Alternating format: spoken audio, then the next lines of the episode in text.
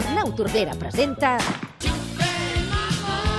Les pitjors cançons de la història de la música.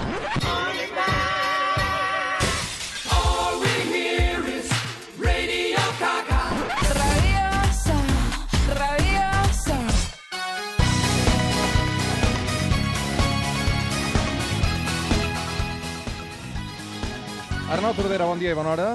Bon dia. Veig que has recuperat l'esperit reivindicatiu, has recuperat aquella xupa que fa suar el mes d'agost.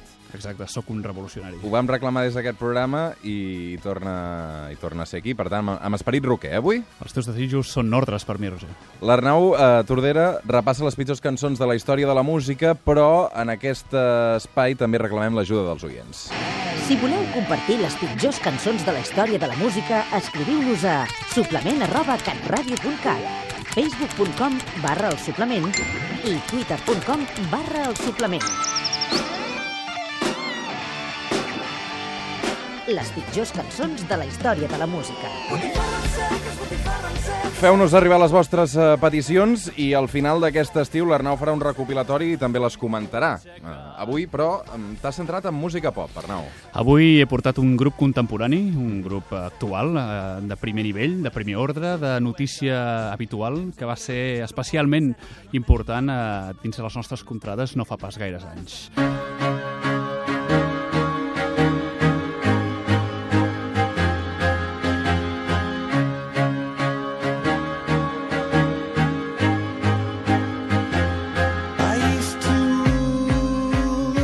Doncs aquí ho tens, Roger. Coldplay, Coldplay. Coldplay, en una de les seves pitjors cançons, Què Viva la vida. m'estàs dient, per favor? Una cançó que ha simbolitzat el triomf del barcelonisme de l'època del Guardiola? ho ha simbolitzat, però des del punt de vista exclusivament musical es mereix estar en aquesta llista sense cap mena de dubte. Per què? Mira, perquè te'n facis una idea, aquesta peça de Viva la vida eh, està elaborada a partir de quatre acords només, cosa que no seria tampoc molt, eh, un, molt noticiable. tenint És a dir, m'estàs compte... explicant que amb aquesta cançó només s'utilitzen quatre acords. Exactament. I això no és estrany, no, tampoc? No és estrany dins de la pobra i miserable música moderna, però el que sí que és una mica menys tenible des del meu punt de vista és que aquests quatre acords es repeteixen ni més ni menys que 33 vegades al llarg de la peça. 33 vegades reiterant el mateix. 33 vegades exactament amb els comptat? mateixos... Ho he comptat. Home, i sí que t'ho i tot- prepares, això, no? Home, sóc un professional també en aquest aspecte. Eh, el que he fet ha estat eh, comentar-ho amb, amb alguna altra peça per comparar, no? I Sí. he anat a triar una peça que és prou reiterativa en ella mateixa, que és el cànon de Pachelbel, aquesta peça que tothom coneix. Sí, un tant. cànon, eh, diguéssim, que tècnicament va reiterant el mateix moltíssimes vegades, i aquesta peça ho fa fins a 28 vegades, però és que Viva la Vida ho fa 33, per tant estem possiblement davant de la peça més reiterativa de la història de la música. Què tampoc t'acaba d'agradar dels Coldplay, Arnau? Doncs bé, escoltem la segona peça, Milo Kyoto. No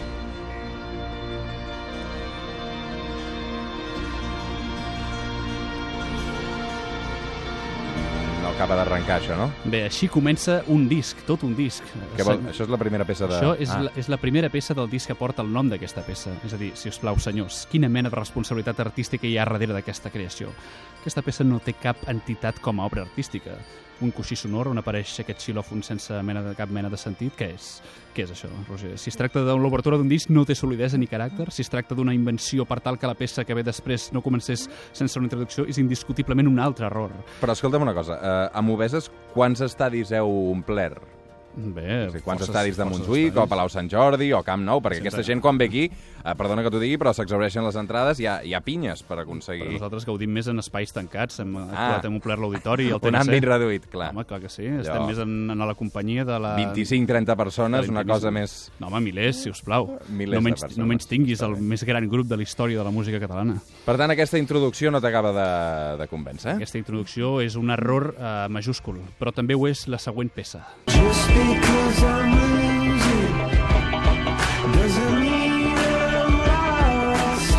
Home, aquí el Chris Martin eh, juga amb el rap, no?, una mica, o què?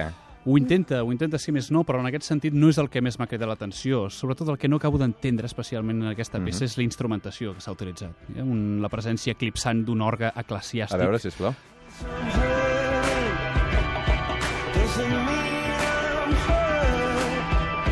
Peça no arranca de cap manera i quan ho fa finalment et trobes un solo guitarrístic, per anomenar-ho d'alguna manera, absolutament prescindible i que ni tan sols és atractiu. És a dir, la majoria de solos de guitarra no són, no són necessaris a les cançons, Ahà. és una cosa típica, prototípicament guitarrística, però a vegades, com a mínim, són una mica agradables i atractius, però no és el cas d'aquest. És a dir, aquí ja, la guitarra no... No. Quan Tu què fas amb el guitarrista de- d'Obeses? diguis- Home, el tracto de manera meravellosa, però és que estem parlant d'un dels grans guitarristes del país, sens dubte. Molt bé, podem recordar el nom, eh, des d'aquí. Sí, Sí. Arnau Tordera. Bé, seguim, seguim amb una altra peça de, de Coldplay, Oceans. Wait for your call.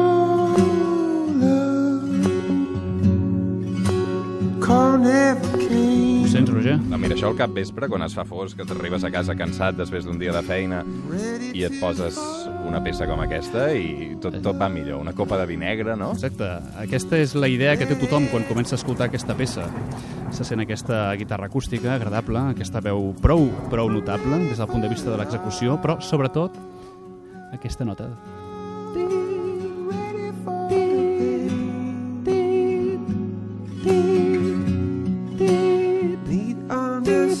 poc a poc no saps per què vas oblidant la guitarra, vas oblidant la veu, vas oblidant-ho tot i només sents aquest fa sostingut que se't va cravar, clavant al cervell constantment. El fa sostingut et pertorba. El fa sostingut em pertorba i pertorbarà a tothom qui escolti aquesta peça. A qui se li va acudir aquesta reiteració d'aquesta nota perpètua? És una mala veig, decisió. Veig que aquí el, el guió que m'han passat... Eh, ara ve una peça que, a més de les preferides de Coldplay, que m'ha fascinat i fa molts anys a més que l'escolto perquè la trobo sensacional i em sap greu que hagi de sonar en aquest espai. Doncs, malauradament, mereix ser-hi, mereix ser-hi per una qüestió prou evident. Escoltem-la. The Scientist.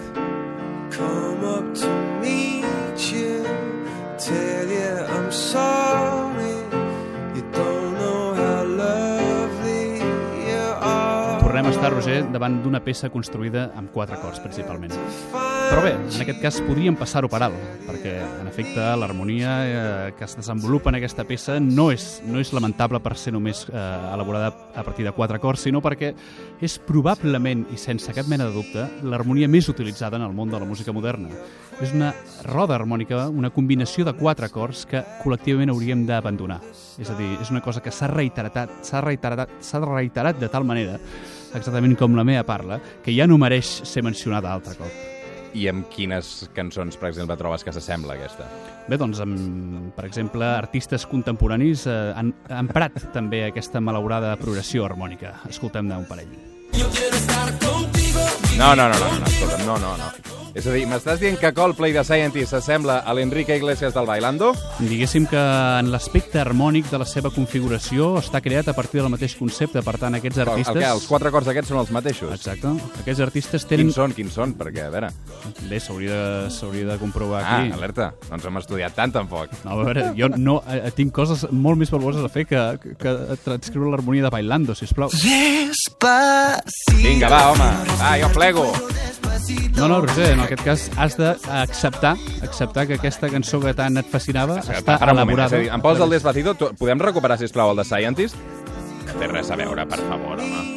Que no s'assembla de res, vull dir... Sento Estàs pixant fora de test completament, Tordera. Ho lamento, però en efecte això és... Yo quiero estar contigo, vivir contigo, bailar contigo, tener contigo una noche loca. Ay, besar tu boca despacito. Ja ho tens. M'has convençut completament. No, és, és trist, és trist, decebedor. La veritat Ah, és que és un desengany important que ara em farà replantejar moltes coses quan arribi el cap vespre a casa i sonin aquests eh, temes amb una copa de vi negre. Bé, simplement és acceptar acceptar coses d'algú. És a dir, tens una simpatia cap a aquest tipus de peces que estan elaborades a través d'aquests mecanismes musicals. La ignorància musical de la meva persona és notòria. Gràcies, Arnau, per fer-m'ho saber. Una abraçada ben forta. Jo també t'estimo.